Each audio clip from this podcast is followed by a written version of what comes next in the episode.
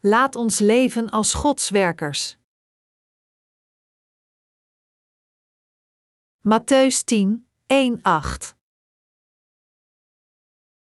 Daarop riep hij zijn twaalf leerlingen bij zich en gaf hun de macht om onreine geesten uit te drijven en iedere ziekte en elke kwaal te genezen. Dit zijn de namen van de twaalf apostelen, als eerste Simon, die Petrus genoemd wordt, en zijn broer Andreas, Jacobus, de zoon van Zebedeus, en zijn broer Johannes, Filippus en Bartholomeus, Thomas en de tollenaar Matthäus, Jacobus, de zoon van Alfeus, en Taddeus, en tenslotte Simon Cananeus en Judas Iscariot, die hem zou uitleveren.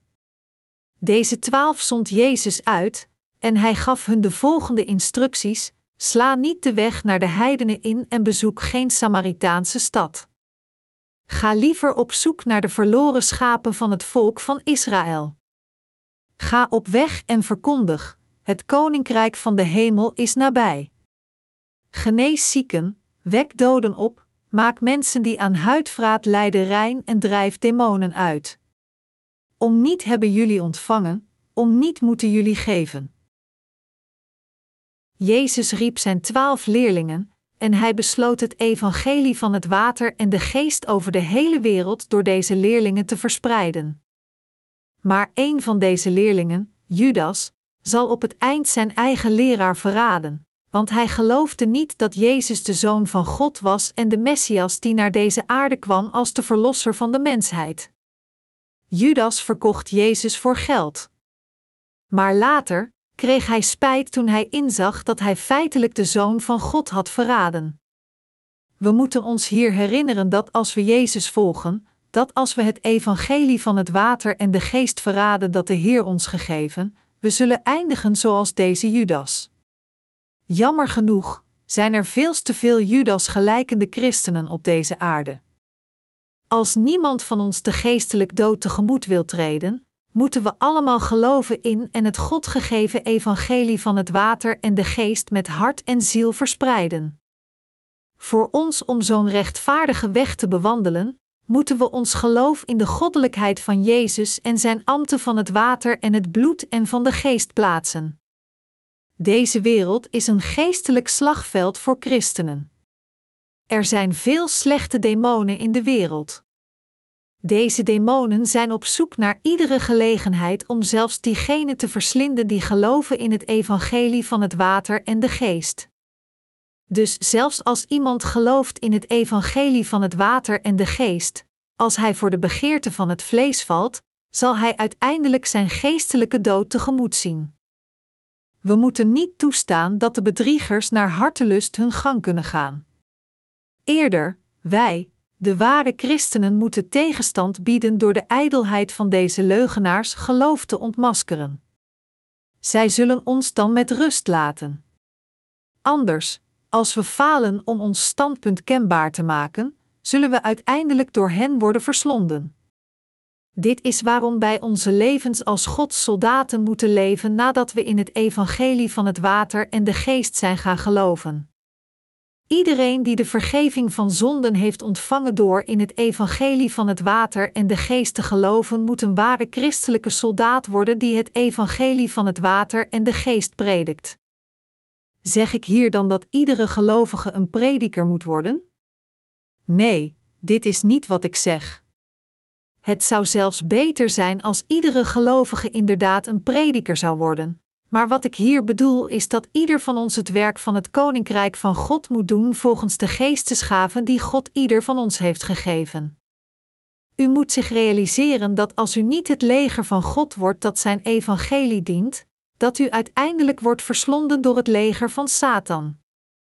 Onder ons zijn er enkelen die denken: Nou, daar ik geen prediker ben, denk ik dat het geloof in de Heer goed genoeg is zoals het is.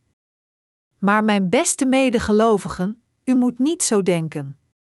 U moet zich realiseren dat Satan geen onderscheid maakt in zijn aanvallen en dat het zijn doel is al diegenen te doden die niet werken voor het koninkrijk van God en in plaats daarvan vasthouden aan de begeerte van het vlees, ongeacht of zij leken of predikers zijn. Daarom, iedere christenen moet de drie begeertes van het vlees terug toekeren. 1 Johannes 2 uur 16.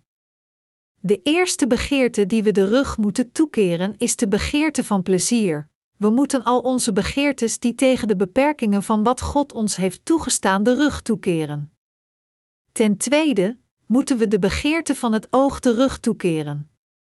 En ten derde moeten we de begeerte van de pronkzucht de rug toekeren. U moet het in uw harten graveren dan u alleen dan van de Heer kunt houden en Hem kunt volgen. Als u toevallig de begeerte van het vlees volgt, denkend: het is oké, want ik heb de vergeving van al mijn zonden ontvangen, dan zult u uiteindelijk sterven. Omdat u de vergeving van zonde hebt ontvangen, is het alleen maar natuurlijk dat Satan u niet met rust zal laten, maar zelfs meer het doel heeft u neer te halen, wachtend op iedere gelegenheid om dit doel te bereiken. Daarom, voor ons om niet te sneuvelen voor Satan, moeten we continu alert zijn en we moeten onze geestelijke oorlog tegen hem met geloof voeren. Alleen diegenen die deze strijd winnen kunnen overleven. En aan diegenen, we moeten zelfs meer in het evangelische woord van het water en de geest geloven. Om onze geestelijke kracht te laten groeien, moeten we vechten tegen de leugenaars in deze geestelijke oorlog. Het is als christenen deelnemen in geestelijke gevechten dat zij zich gaan realiseren wat de omvang van hun geloof is, en het is als zij vechten tegen hun vijanden door de kracht van het woord van de Heer dat zij zielen kunnen winnen. Als we niet blijven geloven in het evangelische woord van het water en de geest met onze harten, zullen wij ook niet alleen onze geestelijke kracht verliezen, maar ook onze materiële bezittingen en zelfs ons eigen leven. Hoe kunnen we alle zegeningen van God verliezen? Door tekort te schieten in het geloof van het evangelie van het water en de geest, want deze wereld is een geestelijk slagveld en daarom laat Satan de ongelovigen niet met rust. Onze Heer beval ons te zoeken naar de verloren schapen van God en aan hen het evangelie van het water en de geest te prediken. Gods werkers moeten altijd zijn werk doen. Gods werkers moeten erop uitgaan op zoek naar zijn verloren schapen. Onze Heer nam twaalf mannen als zijn leerlingen terwijl hij op deze aarde werkte. En door deze twaalf leerlingen van Jezus ontvingen veel mensen hun vergeving van zonden en zij waren ook in staat als het gezegende leger van God te leven en kwamen voor zijn aangezicht. Het staat hier geschreven in de geschrifte passage van vandaag: sla niet de weg naar de heidenen in en bezoek geen Samaritaanse stad. Ga liever op zoek naar de verloren schapen van het volk Israël. Ga op weg en verkondig: het koninkrijk van de hemel is nabij. We moeten naar de onschuldige zielen zoeken, niet de geestelijke Samaritanen. De Samaritanen waren gedeeltelijk verwant aan de Israëlieten, maar zij waren niet zuiver van bloed. Zij waren de afstammelingen van gemengd bloed, ontstaan van enkele Israëlische gemengde huwelijken met de Assyriërs tijdens hun Babylonische gevangenschap. Daarom, van toen af aan accepteerden de Israëlieten hen niet meer als hun mensen. Geestelijk gesproken, het is naar de verloren schapen van Israël naar wie we moeten gaan. We moeten iedere ziel onderzoeken, onszelf vragend: is deze persoon echt een verloren schaap voor God? Er zijn sommigen op deze aarde die wanhopig dorsten naar het woord van God. Het is als we werkelijk Gods werk doen dat we worden gevormd in Jezus goede leerlingen die geschikt zijn voor Gods gebruik. God verandert ons in de goed getrainde soldaten van Jezus en gebruikt ons als zijn werktuig. Als we het werk van God als zijn arbeiders doen, dan zijn er tijden dat we ons zelfrespect van het vlees moeten doorbreken. Door dit te doen, worden onze gedachten voor God veranderd en wij zijn gevormd en gemaakt als goede vaartuigen die God als zijn werktuigen kan gebruiken. Als we het leven van het leerlingschap van Jezus willen leven, als Gods werkers, dan zal onze Heer ons in zijn goede vaartuigen veranderen. Diegenen die te zacht en bang zijn, worden veranderd in harder en sterker, en diegenen die gebrek aan geloof hebben in het woord van God, worden de mensen van geloof die een sterk geloof in Gods woord hebben. Sterk geloof is absoluut noodzakelijk voor Gods werkers, omdat we alleen Zijn werk kunnen doen door ons geloof in Zijn kracht. Het is niet door onze kracht dat het werk van God wordt gedaan, maar het is alleen door de kracht van God dat het gebeurt. Zondaars zijn geneigd de leerlingen van Jezus te onderdrukken die op deze aarde leven en Gods werk doen. Jezus zei: Een leerling staat niet boven zijn leermeester en een slaaf niet boven zijn heer.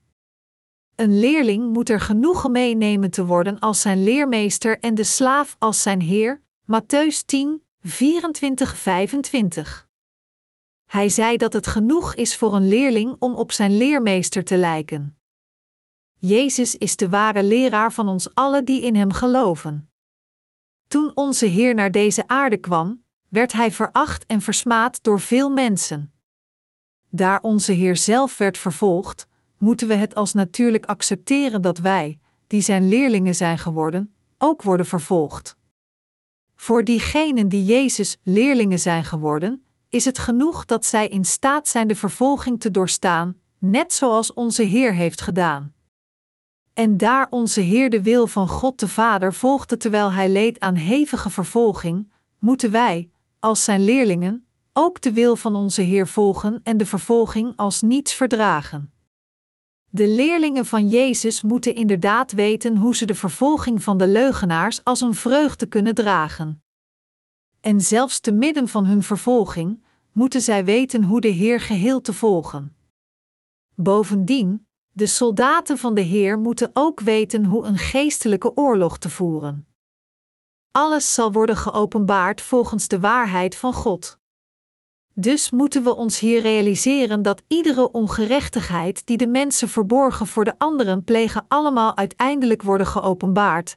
Want onze Heer zei: Want niets is verborgen dat niet onthuld zal worden, en niets is geheim dat niet bekend zal worden. Matthäus 10 God heeft ons onbevreesd gemaakt. Ik geloof dat God leeft.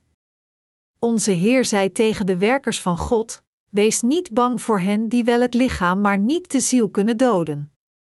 Wees liever bang voor hem die in staat is en ziel en lichaam om te komen in de hel. Matthäus 10 uur 28.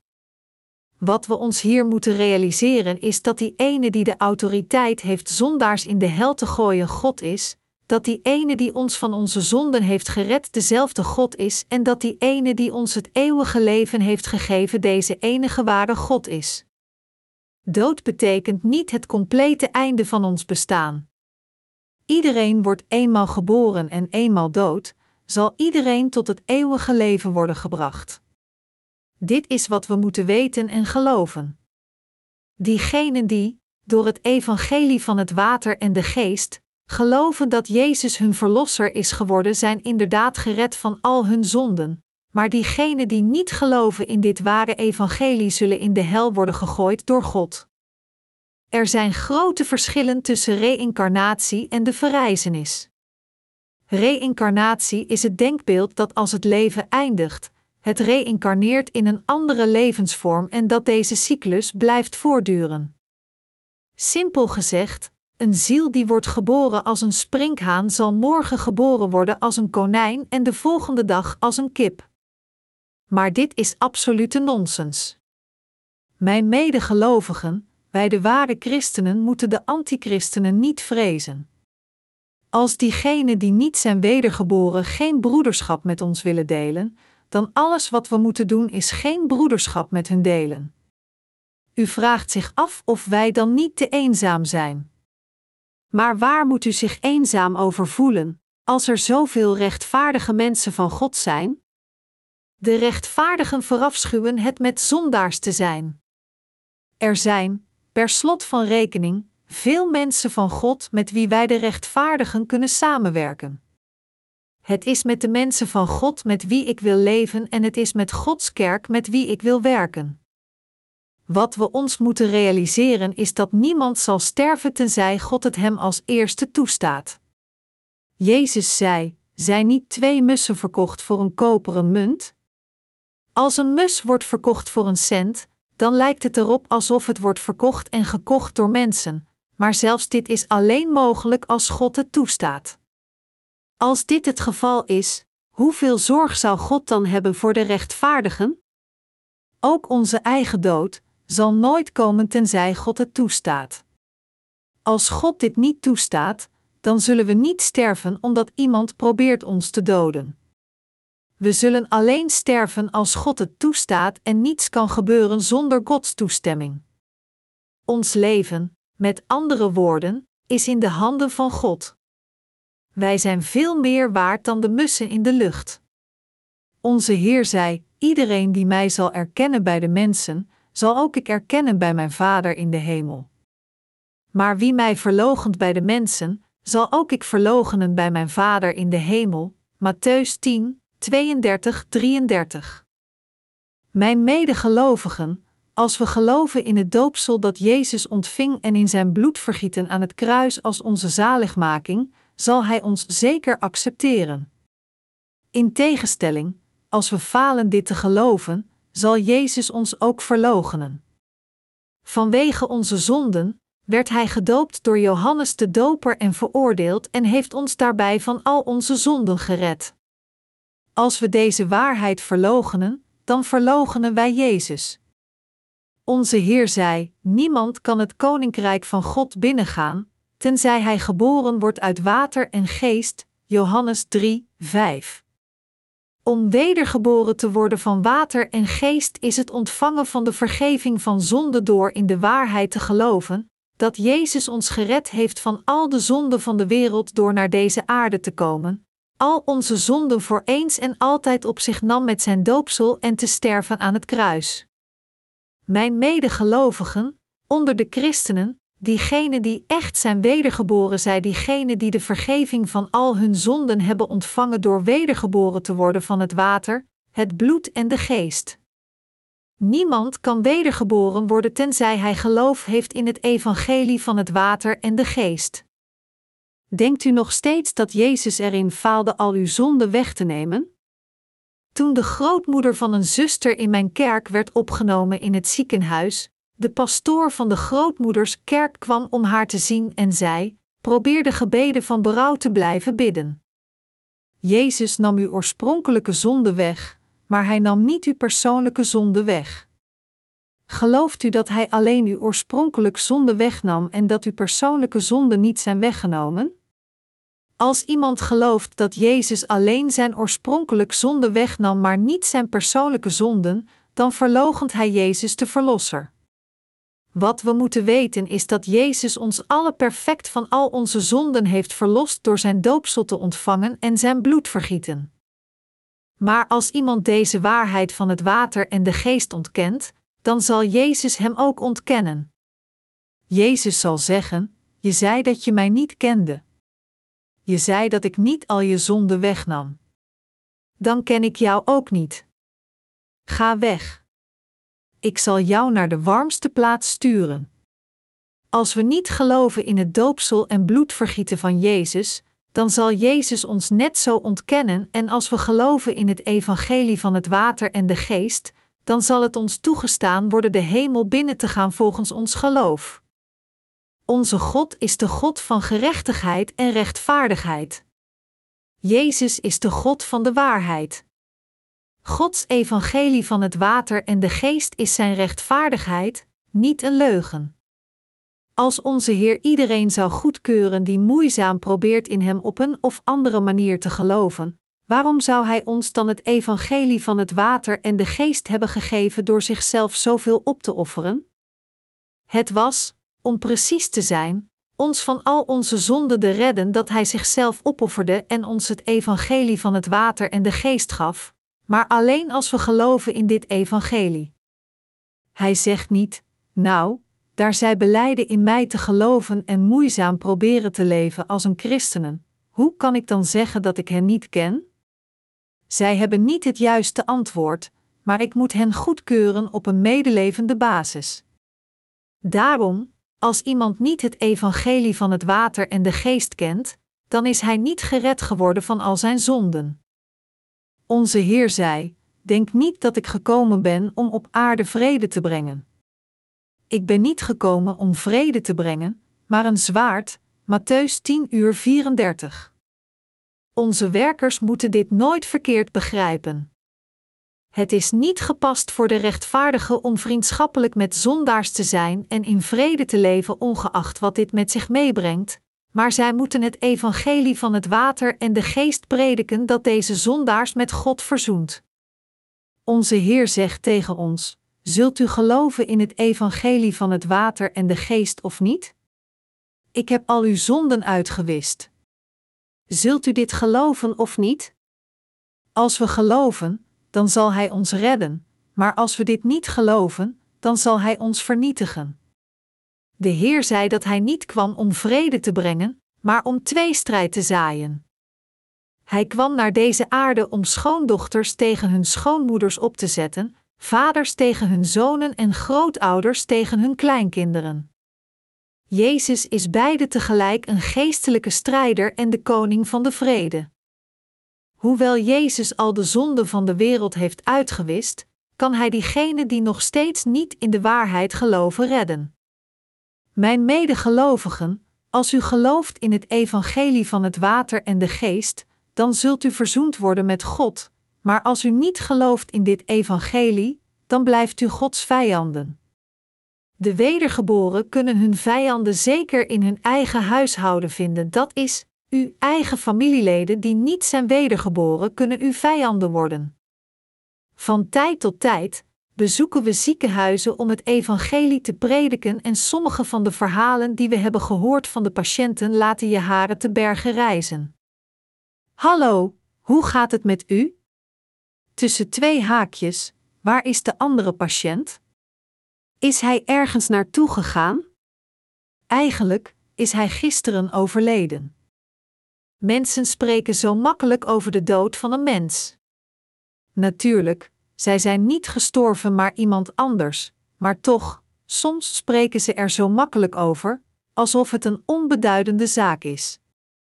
Geen verdriet voelend, zeggen zij simpel: Hij is overleden. Mensen die niet de vergeving van zonden hebben ontvangen, zijn in feite harteloos, zonder liefde en onbarmhartig. Romeinen 1 uur 31. Zij blijven zelfs onverschillig als een van hun eigen zusters of broeders sterft. Zij zijn alleen een beetje bedroefd. Ze lijken bedroefd terwijl ze de begrafenis bijwonen, maar zij vergeten het helemaal als zij terugkeren naar huis in hun auto's. Mijn medegelovigen, de wedergeborenen, zijn niet harteloos. Zij houden de zwakken echt in hun hart. Het is hartverscheurend voor hen niet in staat te zijn te helpen vanwege hun onvermogen. We hebben misschien gemene dingen tegen elkaar gezegd in onze ruzies, maar in de harten van ons te rechtvaardigen blijft het medeleven voor anderen altijd aanwezig. Wij hebben altijd zorg en bekommernis voor onze medegelovigen, willend dat zij bloeien in beide lichaam en geest. Het doet onze harten pijn om diegenen te zien die nog steeds niet de vergeving van hun zonde hebben ontvangen, omdat wij alle medelevende harten principieel voor hun hebben. We hebben eigenlijk medelevende en barmhartige harten voor hen, hopend dat zij zullen gedijen.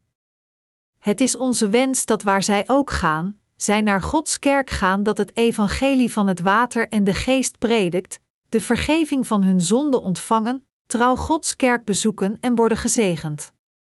Toch maakt het me diep bedroefd om te zien dat er geen genade voor God is in de harten van veel mensen. Als iemand de wereld ingaat en niet langer leeft als Gods werker in zijn kerk, dan is het zeer makkelijk voor hem zijn wedergeboren hart te verliezen, ongeacht hoe vastberaden hij is te leven met het evangelie. Hij die het meeste van God houdt. Ware christenen houden van God en doen zijn werk. Onze Heer zei: Wie meer van zijn vader of moeder houdt dan van mij, is mij niet waard, en wie meer houdt van zijn zoon of dochter dan van mij, is mij niet waard. Matthäus 10 uur 37. Mijn medegelovigen, denk hier nog eens over na. Als u uw leven wilt leven als Godswerkers, moet u het hart hebben dat het meest van God houdt. Alleen als u meer van God houdt dan van iemand of iets anders in deze wereld, kunt u zijn goede werkers worden. We kunnen feitelijk niet meer van God houden door onze eigen pogingen, door te proberen meer van Hem te houden. Integendeel, het is door ons vertrouwen in het vlees los te laten en de lust van het vlees terug toe te keren, door ons geloof in het evangelie van het water en de geest te plaatsen en daarbij de liefde van God in onze harten te laten heersen, dat we kunnen leven als de ware leerlingen van Jezus Christus. Net zoals onze harten de vergeving van zonde ontvangen, wordt God gelijktijdig de allerliefste voor ons allen. Onze Heer zei: Wie meer van zijn vader of moeder houdt dan van mij, is mij niet waard. Deze passage betekent niet dat we niet van onze ouders moeten houden, maar dat we ons moeten realiseren dat God onze liefde en respect meer waard is dan onze ouders. Dit is wat onze Heer tegen ons zegt. Met andere woorden, omdat God veel eervoller is dan onze ouders van het vlees en omdat Hij ons veel betere dingen heeft gegeven dan onze ouders, moeten we het meest van deze God houden en in deze liefde voor God moeten we onze ouders van het vlees eren en van ze houden. Onze Heer is meer beminnelijk dan onze eigen vrouwen, kinderen, land, rijkdom, geld, reputatie, plezier, onszelf of iets anders in deze hele wereld. Er is niets in deze wereld dat beminnelijker is dan onze Heer. Mijn medegelovigen, hoewel we van onszelf houden, als we onszelf met de Heer vergelijken, kunnen we het niet helpen maar beleiden dat de Heer veel beminnelijker en kostbaarder is dan ons. Net zoals Petrus zijn geloof beleidt door te zeggen: Ja, Heer, u weet dat ik van u hou, wij ook, kunnen niet vermijden dezelfde beleidenis van geloof te maken. Onze Heer is echt majesteitelijk en echt beminnelijk voor ons. Er is niemand in deze wereld, in het hele universum en voor eeuwigheid, die beter is dan onze Heer. Geen materieel kan ooit beter zijn dan onze Heer. Nog kan elk plezier ooit beter zijn dan onze Heer. Gods werkers houden het meest van de Heer en dienen Hem. In feite zijn het alleen zulke mensen die Gods arbeiders kunnen worden. En God houdt ook als eerste van de werkers die altijd aan Hem denken. Laat het me hier duidelijk maken dat u en ik inderdaad als zulke werkers moeten leven. Soms, als ouders zijnde, kunnen we meer zorg aan onze kinderen tonen dan aan de Heer, maar we geloven nog steeds in de kern van ons hart dat zelfs onze eigen kinderen nooit kostbaarder zijn dan de Heer zelf. Kunt u begrijpen wat ik hier probeer te zeggen? Als we onze eigen kinderen met de Heer zouden vergelijken en hun waarde zouden schatten, onze Heer is veel meer waard dan zelfs onze eigen kinderen. Het is niet omdat we niet van onze kinderen houden dat we meer van de Heer houden, maar we doen dit omdat onze Heer waardiger is dan zelfs onze eigen kinderen. En te zorgen voor en onze kinderen te koesteren in de liefde van onze Heer is ware liefde. Als ik zeg dat we meer houden van God dan van onze ouders en kinderen, dan kunnen sommigen van u verkeerd denken dat ik u vertelt niet van uw kinderen en ouders te houden en hen in de steek te laten, maar dit is niet wat ik hier vertel. Ik vertel u niet om uw eigen kinderen en ouders te verlaten, maar God als eerste lief te hebben. Denk eraan wat de Heer hier zei: Wie niet zijn kruis op zich neemt en mij volgt, is mij niet waard, Matthäus 10 uur 38. Een ware werker van God is iemand die de Heer kan volgen zelfs te midden van moeilijkheden. U en ik moeten in staat zijn de Heer te volgen zelfs als we problemen en moeilijkheden aanschouwen. Dit is iets dat feitelijk zeer moeilijk is toe te passen. Gezegd hebbend, wie meer van zijn vader of moeder houdt dan van mij, is mij niet waard, en wie meer houdt van zijn zoon of dochter dan van mij, is mij niet waard, voegde onze Heer toe, wie niet zijn kruis op zich neemt en mij volgt, is mij niet waard. Wat Hij ons hier in het geheel vertelt is dat we van de Heer meer moeten houden dan van onszelf. Iedere werker die God volgt zal zeker zijn eigen kruis dragen. Met andere woorden, diegenen die in Jezus geloven en Hem willen dienen, zullen zeker moeilijkheden en lijden aanschouwen. En het zijn diegenen die, zelfs als zij zich in het midden van dit lijden bevinden, nog steeds in de Heer vertrouwen, volhardend en verdragend en nog steeds onze Heer volgen, dat zijn de ware werkers van Jezus.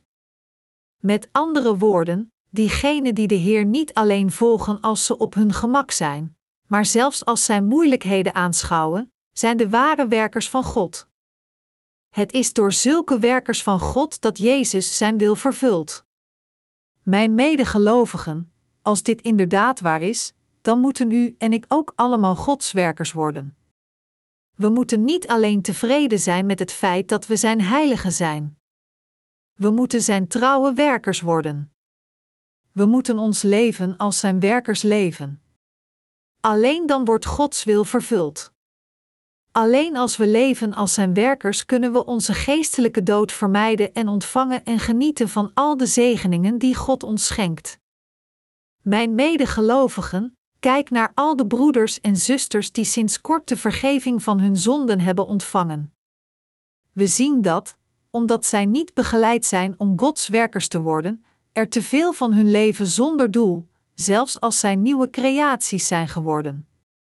Als zoveel mensen sterven en als zoveel zielen rechtstreeks naar de hel gaan, iedereen die alleen voor zichzelf gelooft en niet het goede nieuws aan anderen verspreidt, is een zondig iemand. Zulke mensen zijn als de dienaar die een talent heeft gekregen, die zal op het einde worden geselecteerd. Matthäus 25, 28, 30. De wijnstok. God vertelt aan diegenen van ons die de vergeving van onze zonden hebben ontvangen zijn werkers te worden, ongeacht of we ontoereikend zijn of niet. Hij vertelt ons te leven als zulke werkers die het evangelie verspreiden en wiens leven aan het is toegewijd. Als we ons leven als de werkers leven die het evangelie dienen, zal God ons op ontelbare manieren helpen. Waarom zou Hij ons helpen? Omdat het alleen maar gepast is dat de Vader ons meer voedsel geeft, zodat wij, als de takken van de wijnstok van Jezus, meer vruchten zouden dragen. Maar wat zal er gebeuren als de takken van de wijnstok weggroeien en zij daar alleen maar zitten en geen enkele vrucht dragen? God zal alle takken van de hoofdstok die vruchtloos blijven afknippen, ongeacht hoeveel voeding zij ontvangen. Als de vruchteloze takken afgeknipt zijn, zullen nieuwe knopen in hun plaats ontspringen. De oude takken zullen dan de nieuwe knopen voorzien met voeding van de wortel, zodat ze zullen bloeien en vruchten zullen dragen. Als de voorgangers van geloof de nieuwe knopen met het woord van God voorzien, dan zullen de nieuwe takken gauw vruchten dragen. Diegenen die als eerste de vergeving van zonden hebben ontvangen, moeten rondreizen en het evangelie verspreiden, terwijl de voorgangers van geloof doorgaan met deze nieuwe wedergeboren mensen met voeding te voorzien. Op deze manier zullen meer mensen tot hun vergeving van zonde komen. Dus het is door deze oude takken en door de broeders en zusters die net de vergeving van hun zonde hebben ontvangen, dat het evangelie voortdurend wordt verspreid. Als u het evangelie verspreidt, moet u de mensen leren hoe zij moeten leven nadat zij de vergeving van zonden hebben ontvangen. Als u en ik niet het evangelie dienen na het ontvangen van de vergeving van zonden, dan zullen wij wegvallen van Gods kerk. Iedereen die een nieuwe tak is geworden, moet vruchten dragen en vermenigvuldigen. Als hij hier lui in is, dan zal de Heer hem loslaten.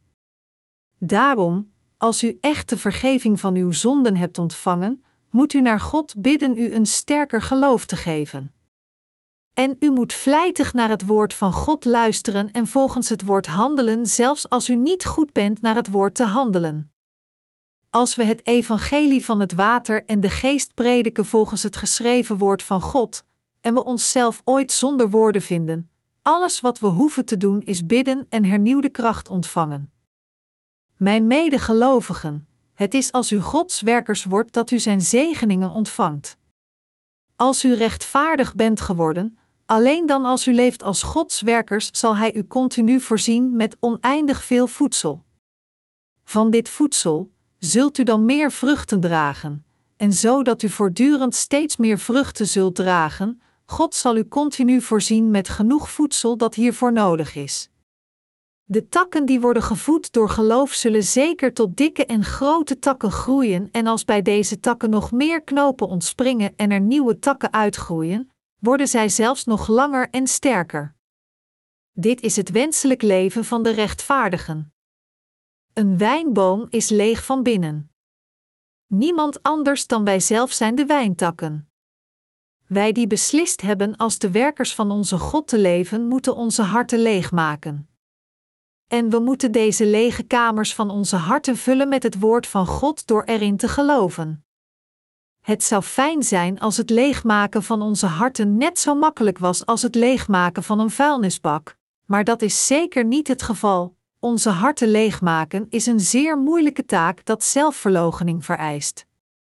Desondanks, Gods werkers weten heel goed dat hoe groter hun lijden en moeilijkheden zijn, er meer gelegenheden zullen zijn hun geloof te gebruiken en de takken dikker en sterker zullen worden.